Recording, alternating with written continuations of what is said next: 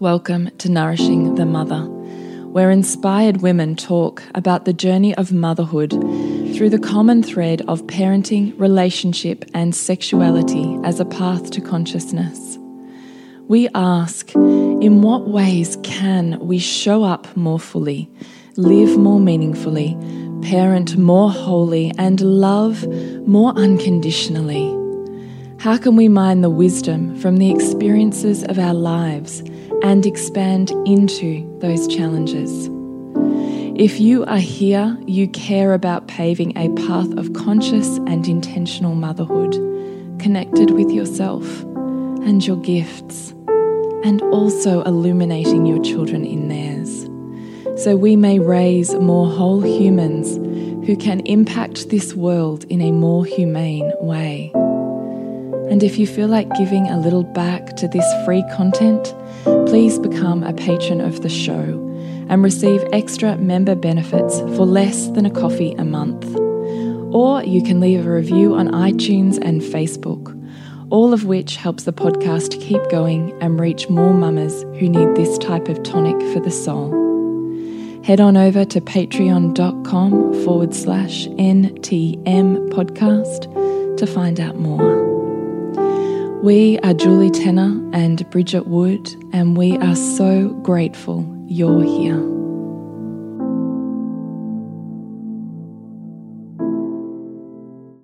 Hello and welcome to Nourishing the Mother. I'm Bridget Wood. And I'm Julie Tenner, and today's podcast is Five Reasons to Stick with Sibling Fight. Mm. And it comes on the back really of us collaborating together to put the best of our parenting hearts and soulful minds to construct Connected, which is our relationship tool map. Mm. Really, tool map? Can I say that? Toolkit. Toolkit. Well, kind of is roadmap. Both, I think I did both at the same time. it works. We can do. We can that. to sibling relationships. So we're looking at all things conflict, collaboration. How do you do it? What do you say? When do you enter? When do you observe? How do you just build the tolerance within yourself to stay with it and work through what it's bringing up in, in a family dynamic? So, because we're releasing connected today, we are going to look at our five reasons to stick with sibling fighting mm. when all you want to do is shut it down and stop it. Yeah. And this also really um, comes from conversations in our Soul Driven Motherhood membership because we really mm. put it out there and said, you know, what do you want from us? What's, what's, what are you craving in terms of another course? And there was, some fairly unanimous support for sibling stuff because it really is mm. a place where sibling fights, yeah, hitting a lot like, of edges. Yeah, it's hard. feel it in your body yeah. when you think about it. Yeah, yeah. totally. So before we do that, I'd love to remind you to jump onto nourishingthemother.com.au and sign up to join our tribe. And once every three or so weeks now, we will shoot you off an email with everything we've put out in the world and you can pick and choose where you'd love to dive a little deeper. Sometimes we do send out more um, intimate emails or conversations that not quite ready for social media on. So if you would love to nourish your internal mother a little bit more during the week, mm. then nourishingthemother.com.au and scroll on down to the red banner to join our tribe. Mm. And so, we have a new we do patron. have a new Patreon patron. So thank you to Cindy for your support of the podcast. Because, thank you, Cindy. And of course, once again, thank you to all of the beautiful people who've signed on to Patreon to help keep the podcast going. We really, really appreciate it. Yeah, and we really hope you're enjoying our Follow Your Heart webpage where every month we drop a new quick reference toolkit. Mm. And there's a heck ton on there's there now. So, many. yeah. So if you are, you know, struggling to remember, recall, stay on top of all of the tools and kind of advice that we kind of throw out there, then this is the resource place for for all of your quick reference nourishing the mother guides mm. and our entire book list. That's right, reading list. We probably should upgrade that. We've, we've, you and I have both read some sort of stellar recent books. yeah, we have. Add a few more on there too. And we're recording live right now in our Seek More group, so you can also get access to webinar versions or live versions mm. of podcast pre records. Sometimes they're weeks in advance and then topic discussions afterwards. So if you'd love to check that out, jump onto Patreon forward slash NTM mm. podcast. Now, this is a chunky podcast. Let's dive right in. Number well, Bridget, one, you're inspired. Go. Number one tip or reason for sticking with sibling fights is to really release the feelings underneath behavior. So mm. we, we, there's classic, you know, that, that classic siblings niggling each other and you can feel your own body rise up in, in irritation and mm. annoyance towards mm. it. And in fact, you know, I'm noticing it a lot in my daughter at the moment. And this morning I even said to her, wow, you're really irritated. And in my head, I thought I said at the same time because you're so irritating. because that's what happens, right? Like yeah. the feelings inside when they're so uncomfortable just flick out to everybody around you, and yeah. it's difficult to be with. And that's as much as we feel frustrated with it staying with it and giving them tools and you know appropriate limits where needed is actually the very thing to do to help them access and release those feelings that are underneath the behavior that we mm. so often find difficult to watch or listen to or be with why is releasing feelings important to you because i think that we have we all want to feel connected to ourselves and those the build up of those uncomfortable feelings is really stagnant kind of energy that hasn't had a way to release appropriately and help us get back into balance and into our essence. And i think that we all get this you know this clogged up sense of disconnection or frustration and and it comes from not having effective ways to move it. And i think for our kids to have those effective ways to move that energy and emotion helps them not only get back into alignment and into their own flow and values, but it also helps them have connection and responsibility to own what is theirs. Mm. You know, what is mm. their own feelings as opposed to somebody making them feel something or as opposed to getting stuck in a cycle of blame. I think that when we can help them circle back to the feelings that are coming up being as a result of you know underlying things we get them to develop that inner dialogue with with how i'm feeling inside mm. as opposed to how my outer world is making me feel mm.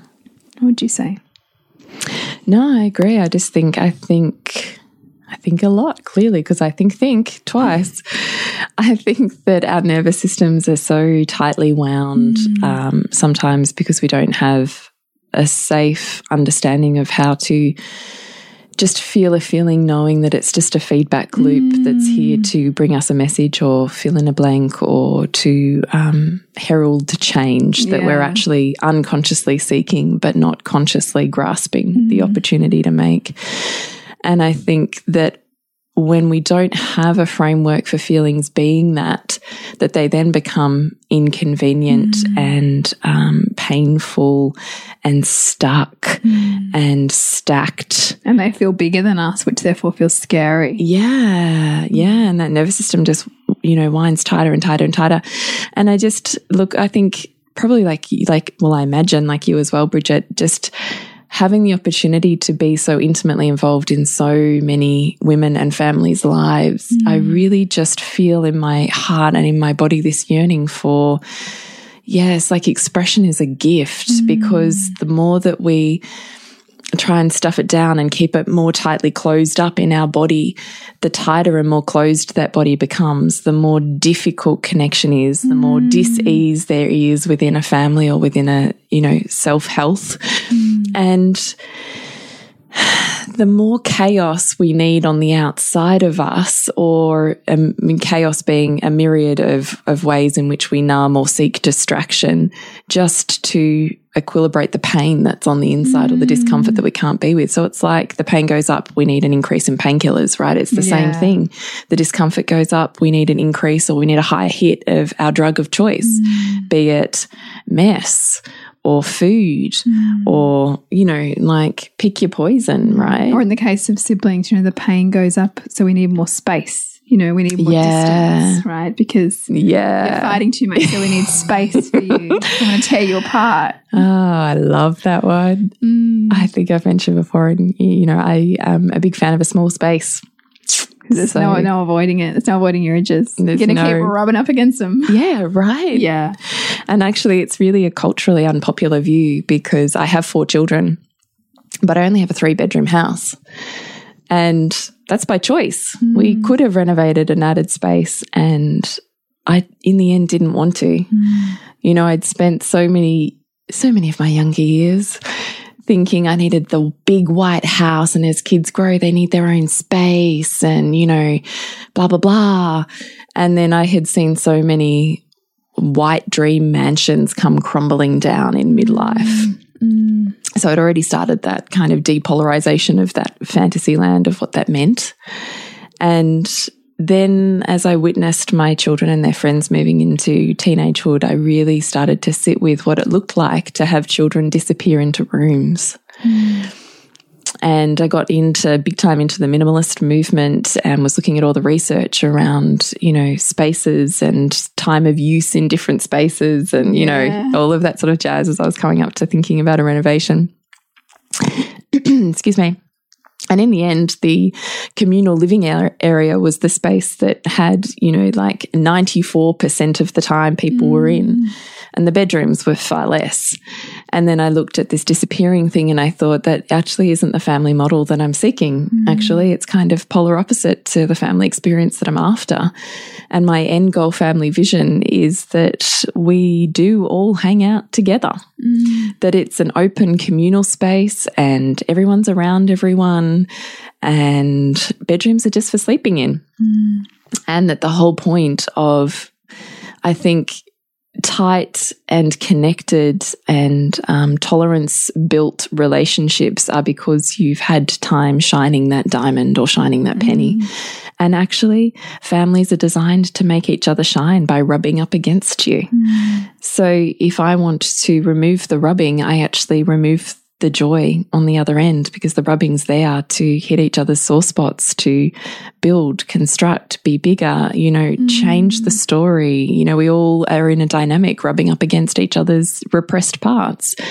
So that's definitely the framework I bring in with my kids is yeah, well, this is another really beautiful opportunity for you. Mm. And that's how I'm entering conflict. Yeah. Is not, oh, fuck, what a pain in the ass. Jesus, you just need to separate, stay away from each other. Mm. I'm like, yeah, mm, it's a cool opportunity. I wonder what you're hitting here. Mm. Because it's all self, and a sibling will be so responsive as to rub up against the self that needs rubbing and shining, mm. you know, because you've dulled it. Yeah. I've dulled it. We've dulled it. The dynamics dulled it. Whatever. It is requiring growth for your evolution. And I want you to evolve and be the best human you can be. So part of that is going to be through reframing what challenge means. Mm. And for me, challenge means growth. And I have a huge value on growth and growth mindsets and, you know, potential. And also that you see, you know, huge capacity in your children to to meet that and to transcend what feels uncomfortable yeah. in the moment. Yeah, because right. it's a value of mine, right? Yeah. I this is where we project values. I do it. I want it for myself, so I project it on my children, and I say it's now our family value. like we all project our totally, values. Totally. Uh, totally. I love it. so to get to what's underneath the behavior, I think is probably one of our hopefully the one of the main points that you get from listening to nourishing the mother is that behavior mm. is is so yeah. almost superfluous, right? Yeah. Like that's why punishment and reward is ridiculous because it's got absolutely nothing to do with the end result behavior and everything to do with the shining of the penny, the repression, mm. the expressed parts that are coming out, the family dynamic, you know, like it's well I mean the, the behavior if, if you imagine that, you know, that image with like the iceberg and that you see that little tip that's out of the water. The behavior is like the tip, and everything else that's going on is underneath that. And if we simply stop at the behavior and want to make that stop, when we've missed everything else that's that's driving that. And I think that the sibling dynamics you really begin to see when you get curious about what is actually beneath this surface mm. behavior because there is so much more than you know, just a squ squabble, right? Like if we can enter the squabble with curiosity, opening up our bodies to be with it and help our children be with more of it, then they they learn so much more capacity to enter conflict, to collaborate effectively, totally. to transcend competition, you know, to get out of that cycle of annoyances with each other. Totally. I even have a good example tonight, actually. So I was putting my, so we'd been out this afternoon for one of my daughters, my eldest daughter's basketball functions. And so my son was babysitting my younger two. And then tonight I was, you know, showering them and getting them to bed and whatever. And so while I've got them in the shower and I'm in between washing hair, I'm kind of running in the bedroom and sorting out pajamas and, you know, you know, that sort of dance. Yeah, yeah. And, um, so my six year old daughter was started flicking water in the face of my two year old daughter. And I can hear her like, you know, the two year old getting a bit antsy at her. And I pop my head in and go, what's going on there? And I can see my six year old going, nothing, it's just water. It's just water in her face. I was like, mm-hmm. Mm. All right. So already I'm going, well, this is the opposite of collaborative and mm. cooperative and open hearted. This is a bit of power tripping. Mm. I need to kind of flick you a bit right now. Mm. I'm a bit kind of angry at you. So we kind of sat with him, oh, what's going on here? We talked about it a little, but she wasn't quite there. I walked away, came back in.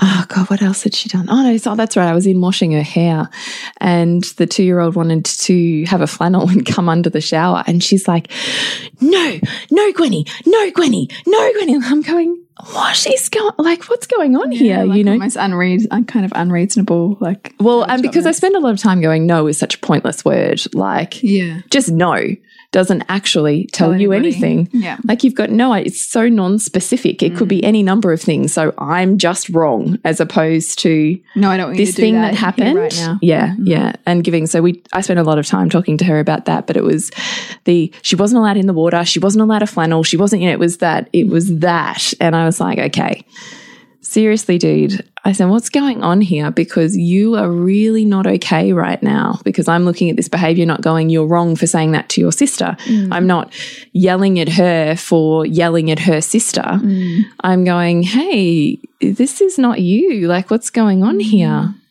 And look, that's a common conversation for us. So she took a breath and she went, Well, today Gwenny pulled my hair really hard. And this is when we were out. Mm. And I was like, Ah.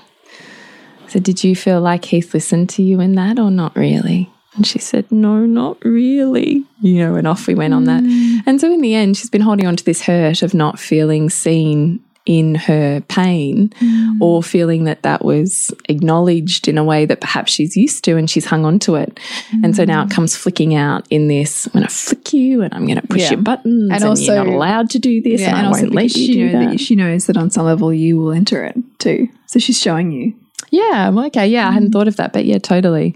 So, you know, I just always think go below the behavior. If they're not children in total connection to themselves and, and in an um, grounded, regulated state are really open hearted and mm. loving and collaborative and sweet and. Mm. You know, just little love bombs. So if they're not that, then they've got some stored stuff going on there mm. and go below the behavior. Mm. I love it. Number two to teach, you know, another reason to enter it is to really teach relationship and communication skills. Mm. So, wow, how much is this fight that I'm seeing an opportunity to help equip my children for not only how they relate to each other, but how they use this relationship as a framework for every other relationship that they enter in their world? Because there's nothing that teaches you relating quite like you know, the raw realness of a sibling dynamic. Mm. And so when we help our children meet each other in a more collaborative, um, win win kind of goal orientated um, relationship with each other, then then it's not about what can I get and how can I, you know, have power over you. It's how can we both get what we want here. How can we mm. both achieve the outcome that we're desiring? How can we both feel loved and appreciated? You know, so that that then becomes the model for them to enter the world with, where someone doesn't always have to lose, but that we're working for the collective whole here. Mm. And I think that that's a beautiful model to keep coming back to with our children is to how can we work together here? Because you're both wanting something and you know, a scarcity mindset or a scarcity um, pattern is so, um, it's almost like that, the stuck in the base chakra, really, mm. isn't it, for all of us? but we have opportunity all of the time with what our children bring us in their dynamics with each other to actually change that, you know, to actually ask better questions ourselves and get curious about what keeps cycling for them in terms of fighting so that we can equip them with better skills to meet each other in that. Because we can't escape the conflict. The conflict is actually quite useful, but it's how we use the conflict and enter the conflict that we then can help our kids develop a skill set for conflict and for disagreement and for, you know, getting their needs met, essentially. Mm. I just always look at the sibling relationship as um, like a, a pseudo is not the right word, but the practice run for the real lifelong relationship. Mm. So, whatever they're learning in sibling dynamics, they take into intimate well this is i well that's where i don't even want to differentiate because i think sibling relationships are probably among the most intimate relationships mm. you can possibly have mm. and they form a blueprint for what we accept what we tolerate how we um, speak what we feel our role is what we feel our rights are how we learn about love how to receive love how to give love like that is a learned mm process and through the sibling relationship. And there's so many women that I coach that so much of the dynamic comes straight back to siblings. Mm, yeah, it's incredible. Like relationship dynamics. Yep. Yeah. Yep. And, you know, this is why I mean, we'll talk about it, but the, you know, um, the competitiveness between siblings as well, if we're not meeting that with a certain framework around it, mm. it does turn into a toxic form of competitiveness. Mm. And that does have ramifications when we're older on scarcity and lack yeah. of love and not enough. And, you know, I need from you as opposed mm. to I want to mm. give to you. Like they're learning a blueprint for love through the sibling mm. relationships. And so I just, I, because relationship is such a huge value for me and because it has really remarkably had enormous impact on my life. I want my children to know what I know about relationship, and that doesn't come through a lecture style of teaching. Mm. That comes through witnessing how I speak to my husband and how we relate to each other, and then that we use that as the model that we bring to how we want our children to, or how we expect, mm. really, that these are the values and parameters that we communicate with in this yeah. house between intimate lovers, because in a way we still are. Mm. And I just really feel that responsibility that I have spent a lifetime of, you know, flying left and right and in and out of you know, not having a grounding in foundational communication skills and tolerance of internal discomfort in order to communicate my heart's truth. I've had to learn that from so many side swiping hideous events over the mm. course of, you know, 30 odd years mm. that I just think, what a waste if I'm not willing to say, here, here is in a way, the essence of the legacy of my life. Mm. It's in a sense of relationship skills. Mm. And who am I to say that that's any less than if I was a genius mathematician and I wanted to teach you what. I knew about maths? I can teach you what I know about relationship. And so that's going to happen through how I teach you to use your body, how mm.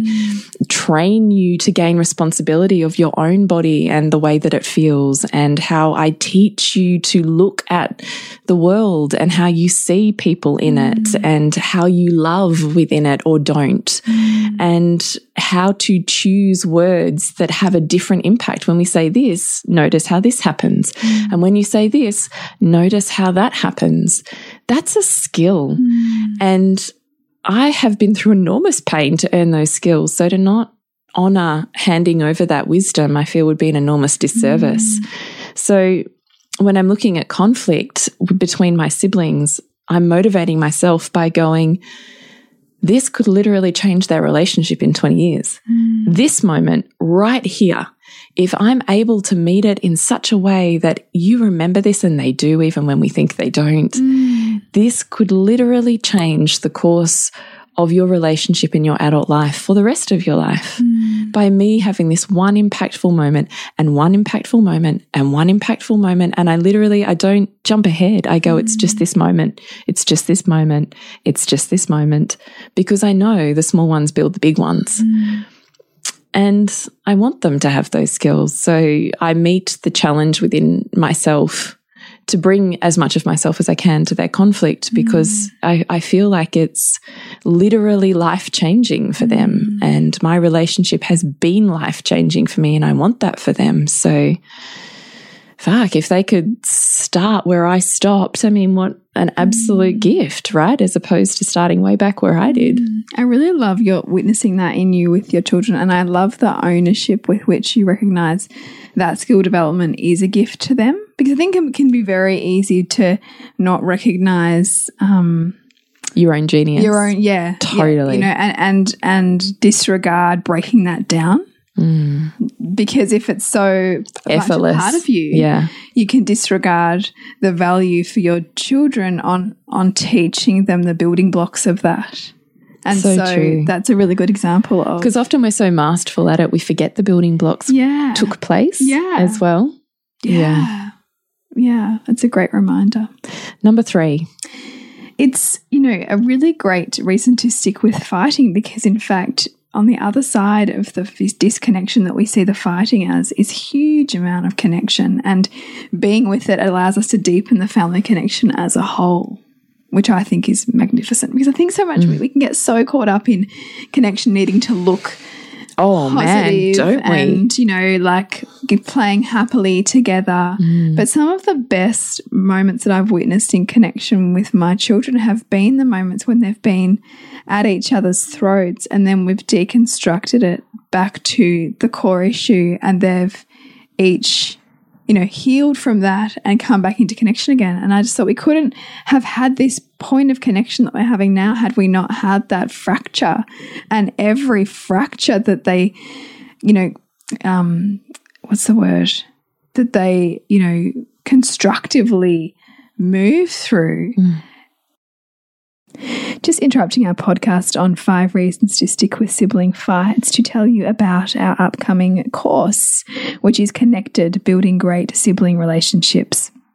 It is three power packed modules delivered live in Soul Driven Motherhood or via downloadable bundle. Those modules are powerful and purposeful, building confidence, insight, and empathy through conflict and fighting, cooperate and collaborate, encouraging love and understanding through jealousy and competition, and set up and succeed, balancing needs, guiding communication and connection over scarcity. We would love you to join us in that course. Find out more at nourishingthemother.com.au or through our links on social media. Is a building block for them on resilience, on relationship skills, on seeing another person's experience in the world that's different from their own, on putting themselves in someone else's shoes, you mm. know, on learning the impact of their words and their body and their language and how they show up in the world. Like that that's profound and that is just as much if not more valuable as a connection point than the you know fantasy of them always getting along Oh man, so much so. As you were saying that, I was thinking, yeah, it's just like a Meccano said, isn't it? Like as they get older, you go, here's another bar. Now we learn to kind of tighten that in, screw it into your foundations of your mm, building, you know? yeah that's a great great metaphor Yeah, that's what came to mind when you were speaking that. I was like, yeah, it's so mm. like the Meccano construction of your foundation, mm. which is, I think, really ultimately what we're trying to bring to the realm of conscious parenting is our children will leave us. What are they leaving with? yeah yeah and some days we'll feel great with what they're living with and some days like oh my god what just happened? You know because that's the reality of it's a dance. And sometimes and i think i said this recently it's i don't know if it was on, if it was on a podcast or in a in a live it was like some days or some moments it's just about being conscious of your own unconsciousness you know until you can bring bring the best of yourself to the next moment. Which is a beautiful segue, actually, into can you expand on this? That our children in their dynamics are an expression of the whole and of what's been repressed. Yeah.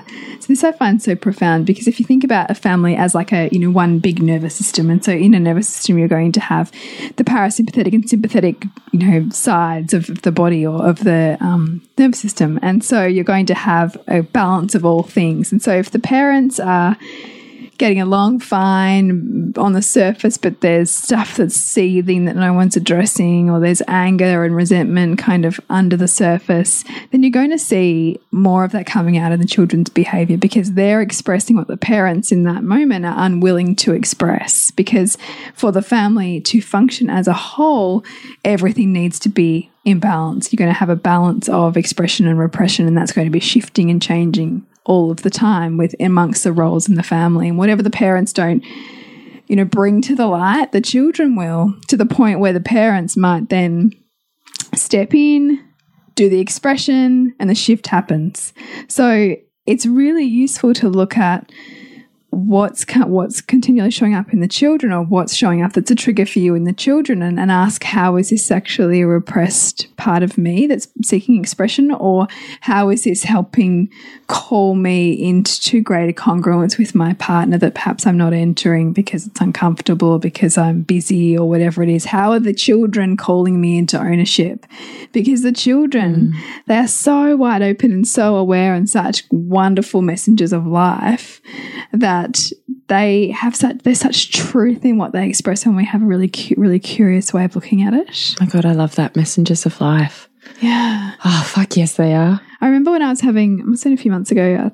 Uh, uh, no, when was it? I was having a bit of a. It must have been Pearl was about a month old, and I'd hit a real edge with my husband, and we were both like really frustrated with each other. And at one point, one point, my son said he said he was sitting. It was really weird. He got dragged a stool and he was sitting outside my my bedroom while I was feeding Pearl, and he said. Oh, I'm just going to do everything for everyone. And when if no one hears me, I'm just going to bang my head with a fry pan. like it, it, was just the most weirdest thing that he'd said. But that for me was like, oh my God, like, hey, that's how my husband's totally feeling right now. And I've just come out through my son because yeah, that God, was what was playing epic. out. So epic. And I was just like, what are you? Like some kind of little god, you know? Just no, like, really. And that's what it, and that's that's when I just I got that picture perfect example of how our children are little geniuses at expressing what's being repressed by the parents. Because you know it's always happening right? Like just like our children are edging us to grow so is our intimate relationship. And it's some the shiny penny. That's right. And sometimes we're really willing and open and the yes you know i want the growth. But other times we're like oh do i really? I don't know. It's uncomfortable. And we or put, just fuck i don't like that. No it's all you. Yeah yeah yeah. Which which is sometimes the same I often, if I hit a new edge, go through that before I get to the yeah, ownership. Yeah, like, yeah, totally. I think that's pretty normal, like in terms of how uh, we are wired, yeah. that we are wired to feel the discomfort and in the same instantaneous second to attach Def it to the thing outside of us. Deflect it. Mm, it's out there. Yeah. It can't be in here. yeah. Yeah. And I think we've just got to build the awareness for, oh, I just did that. Mm. Now I need to bring it back in. And that's often a slow and painful process. Mm. Yeah, which our children will show us. 100%. Yeah. Number four.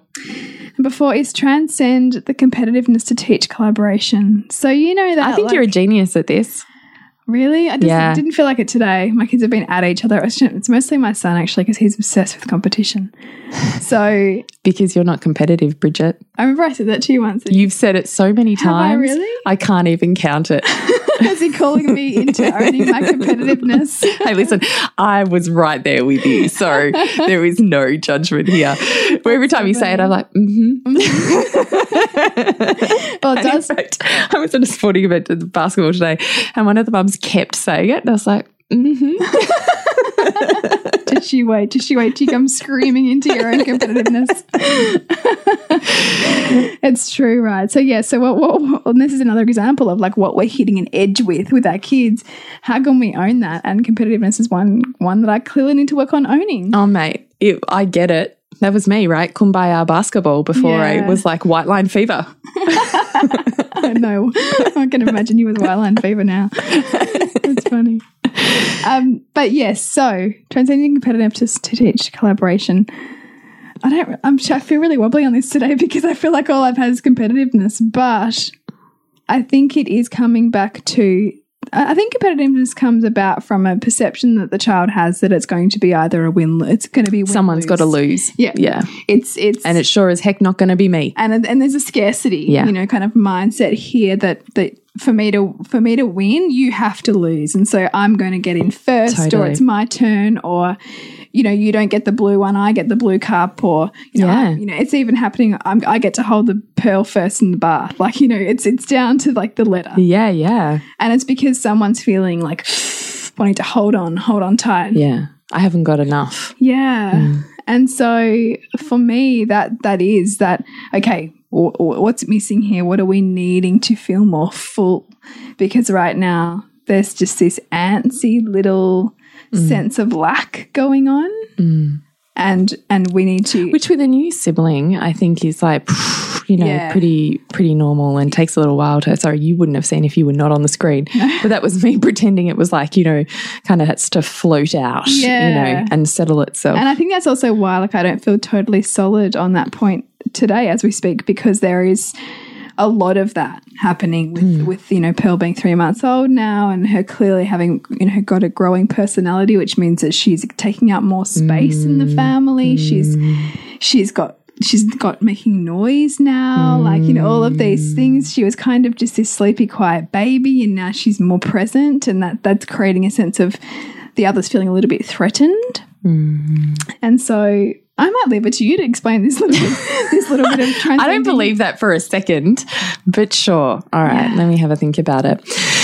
Um, I love hitting competitive edges, but I think it's taken me a really long time to work out that that came from or not being not I just hate com competition just I hate sports people and I hate you know was all my inner wounding of um, never actually feeling safe in a sporting realm or um, like I could even enter or do any of that physical stuff because I was always going to lose because I was, you know, had this huge story around it and, and not a family culture of sport growing up.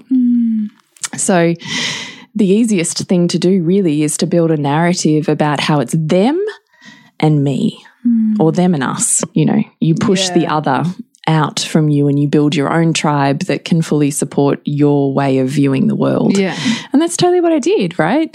And I found it in the hippie, you know, love for everyone. Uh, everyone wins. Everyone gets a cookie. Everyone gets a trophy. you know, like Yeah, yeah. Like, you can find those narratives anywhere. yes.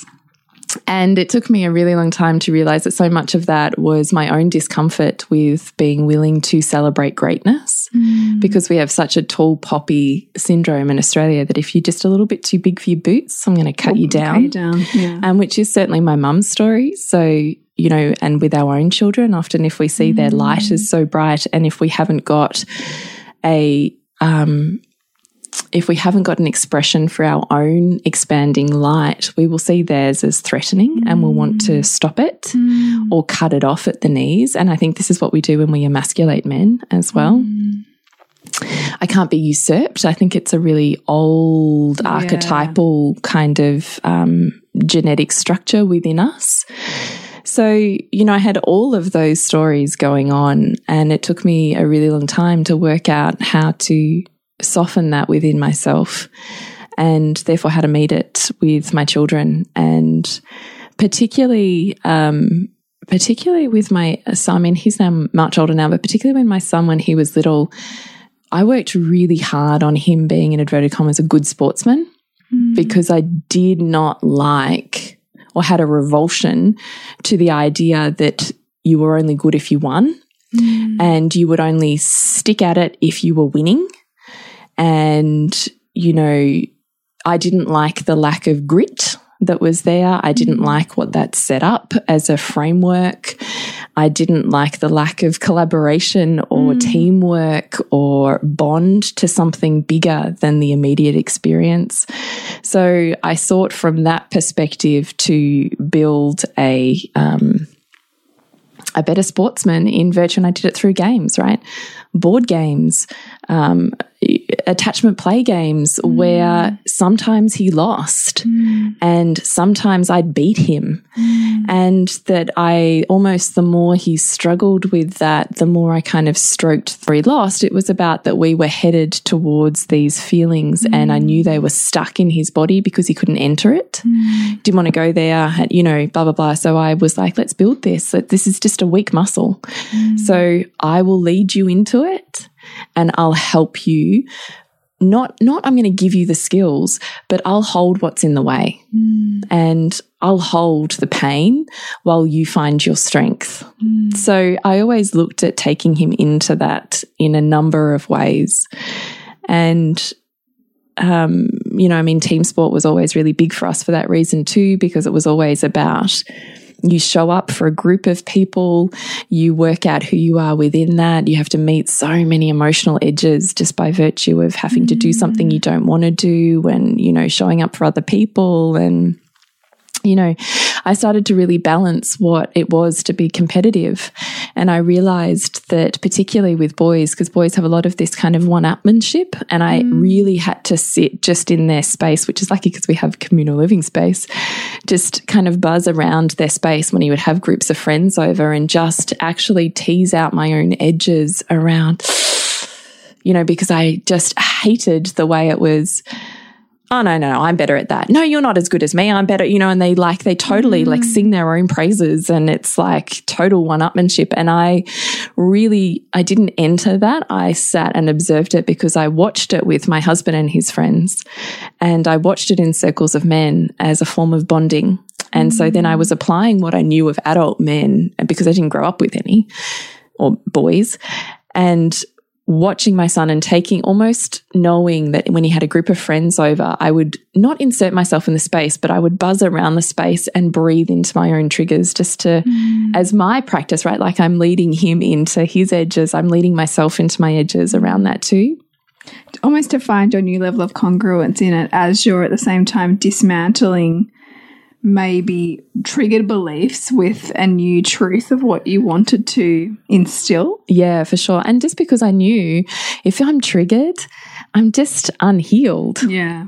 So I was like, okay, well, you know me, I'm like a bit of, you know, let's rip that band aid off. Mm. So I just kind of was baptism by fire a bit. Okay, let's stretch into that. Let's just see what's here. Let's listen a little bit longer rather than, you know, hear it, bang, feel it, and want to stop it. It's mm. let's just what happens after that. Mm. What's the context that's here as opposed to the one moment that I happened to walk in on? Yeah. And so I really did that as a practice. And I can totally totally read the room differently now. I mean, my son's now 14 between what's an expression of competitive uh, sorry, toxic competitiveness mm. and healthy competitiveness. Yeah. And healthy competitiveness is fucking beautiful mm. because it's a way of being like, I want to be better than my best. Mm. And by having you there wanting to be your best and I want to be my best, we both get brighter. Yeah. And I just, I've watched it now expand in every area of my son's life. And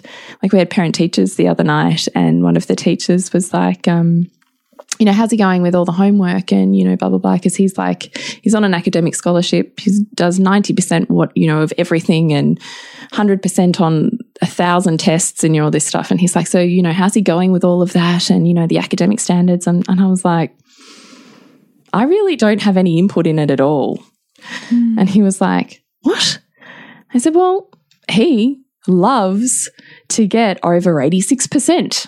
So if he hasn't, he challenges himself to rise to that. Mm. He looks at where he doesn't. He meets it. He sees he's in the advanced class and he's sitting next to so and so, and he wants to make sure he's going to get better than that person or at least be on par because heaven forbid he fall below it. Mm. And I don't do any of it. He's 100% self motivated, and I have never inserted myself in their homework. They know mm. we have the conversation around they get things when a thing's due. Cool. So how are you going to fit it in? How are you going to scaffold and map it out? All right, cool. And then I leave it because it's cons natural consequences. Yeah. They can choose to do it or not do it. Either way, it doesn't have to come from me because this is their life and their sense of, of self. Mm. And I have kids who totally want to show up to the bar. I have, I don't think it's an accident that my two eldest kids were both school captains. I don't mm. think that leadership is separate to healthy competitiveness. Mm. I think they're intertwined. Mm. so it was just, I just kind of think, man, I've done a shit ton of work to flip what competitive means in my head and yeah. in my body. Yeah. So that I can see it as such a gift mm. and an experience of expansion rather of one where someone than contraction where someone loses. Mm. I see competitiveness as a win-win mm. when you are in a really healthy environment of it, which is largely not that hard to find if you're willing to move mm. past your own initial stories on it. Mm. I think. Yeah. So when I'm looking at frameworks like that, I'm looking at my siblings going, okay, is this competitiveness in a fight? So I observe where one's needing to squash the other in order to feel good, because that's toxic? Mm. Or is this, I'm going to be better than you, or I'm going to run faster, I'm going to do this, and I'm going to do that, and look at me doing this, that's healthy. Mm. So, you know, and the banter that comes with a healthy expression is actually quite light, yeah, and opposed, funny, as opposed to like a negative, dirty. It's like the, yeah, tone. it feels like this knife, you know, in your yeah. side or in your back. So I pay attention to the texture of love in language mm. that's happening, and if it's toxic and someone is really trying really hard to squash someone else, mm. then I enter that with want you to notice right now how you're really trying to squash that person. Mm. And we talk then about, I mean, which we've spoken about before, mudslinging and the sense of self and what's going on for self in that mm. moment versus it's about the other person because it's not. Mm. That's great. All right, number five is widening your nervous system's capacity for conflict. I reckon this is huge. Yes. Because I think so for so many of us, our immediate reaction to conflict is to be almost on high alert. Well, that's that's that's mine because conflict was not really a safe thing for me. I don't think it is in the majority of our culture. Yeah. I really don't, and particularly for women. Yeah, it's true we've almost got epigenetic memories in our cells of conflict not being safe. If you think right, women have been so so repressed and and targeted in history. And then you add into that family dynamics or trauma experiences, mm. and all of a sudden you have a nervous system that is hypersensitive to anything that even smells like conflict. Yeah. and you're going to shut that shit down or move away from it or peacemake mm. as fast as you can. Yeah, just so it doesn't equal death on the inside of your body. Yes.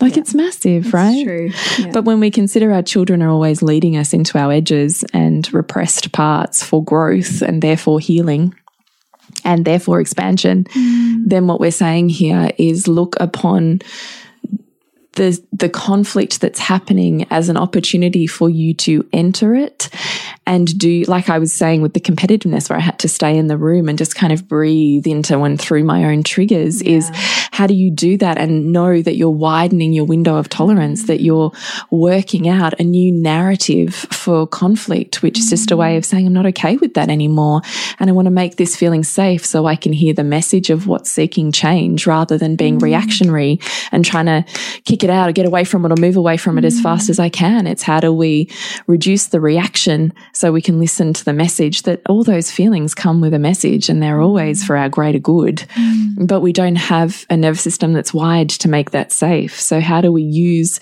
the experience that our children are offering us to actually widen our own window of tolerance mm. as a as a guiding north you know, pole or mm. arrow or and light. and this is also where we talk about, and this comes right back to parenting as a spiritual practice and parenting, you know, this is this is your yoga mat. This is your opportunity to expand your capacity to be with more. Mm. And to um, transcend your patterning to be able to allow your children to have more freedom within their own. And it's knowing what is a truth versus what is a, you know, a looping pattern, you know, a fight, fight, mm. freeze type pattern that's stuck in your system. Mm. And so to widen it, we're really doing a lot of our regular regulatory activities. Yeah. And choosing to see inspiration out of these moments mm. that, that seem like desperation mm. and using that as the motivation to move yourself forward in growth rather than the resistance, meaning you step away from it. Mm. So if you would love more, then we would love you to connect with us at nourishingthemother.com.au uh, or Nourishing the Mother on Facebook and Instagram. Don't forget we've got Connected coming up later this month through Soul Driven Motherhood, or you can buy it separately as a downloadable bundle if membership ain't your thing. Yes. So please connect with us. Please shoot us through any topics or suggestions that you'd love to have. Or sometimes if it's a little bit pingy for you, what, you know, kind of went on for you there, we'd also. We love those too, don't we? Yeah. Sometimes we get those emails that said, I felt really challenged by this, you know, and because of this reason. And like, in fact, sometimes that can actually birth a new podcast for us. Yeah. To help us fill in the, fill in the gaps and different edges. So totally. So thanks for being here. Thanks for listening. Yes. Thanks for being a patron and looking after this show. So great if you're on Patreon, we really appreciate it. And we hope that you're really enjoying your benefits in return. Mm. And if there's anything extra you'd like, let us know. So to connect with you, Bridget, is suburbansandcastles.com and you, Jules, is thepleasurenutritionist.com. Remember to nourish the woman to rock the family. And we'll see you next week when we continue to peel back the layers on your mothering journey. And if you want to support Nourishing the Mother and all the late nights, the early mornings, the blood, sweat, and tears we pour into our art, then please go to patreon.com forward slash NTM podcast and become our patron. As a patron, you're helping all of the cost of operating this podcast, the hosting, the editing, the transcription, helping all of that be completely covered, and joining a community who are all about honouring our journeys and continuing to open. The more support we have, the longer we can last. So become a patron. We'd love to have you. Go to patreon.com forward slash NTM podcast. We literally couldn't do this without you. Thank you so much for listening, and please share this podcast with anyone you think it would be medicine for.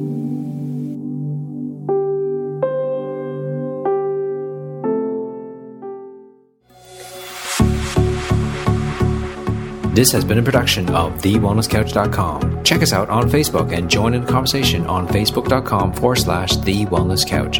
Subscribe to each show on iTunes and check us out on Twitter.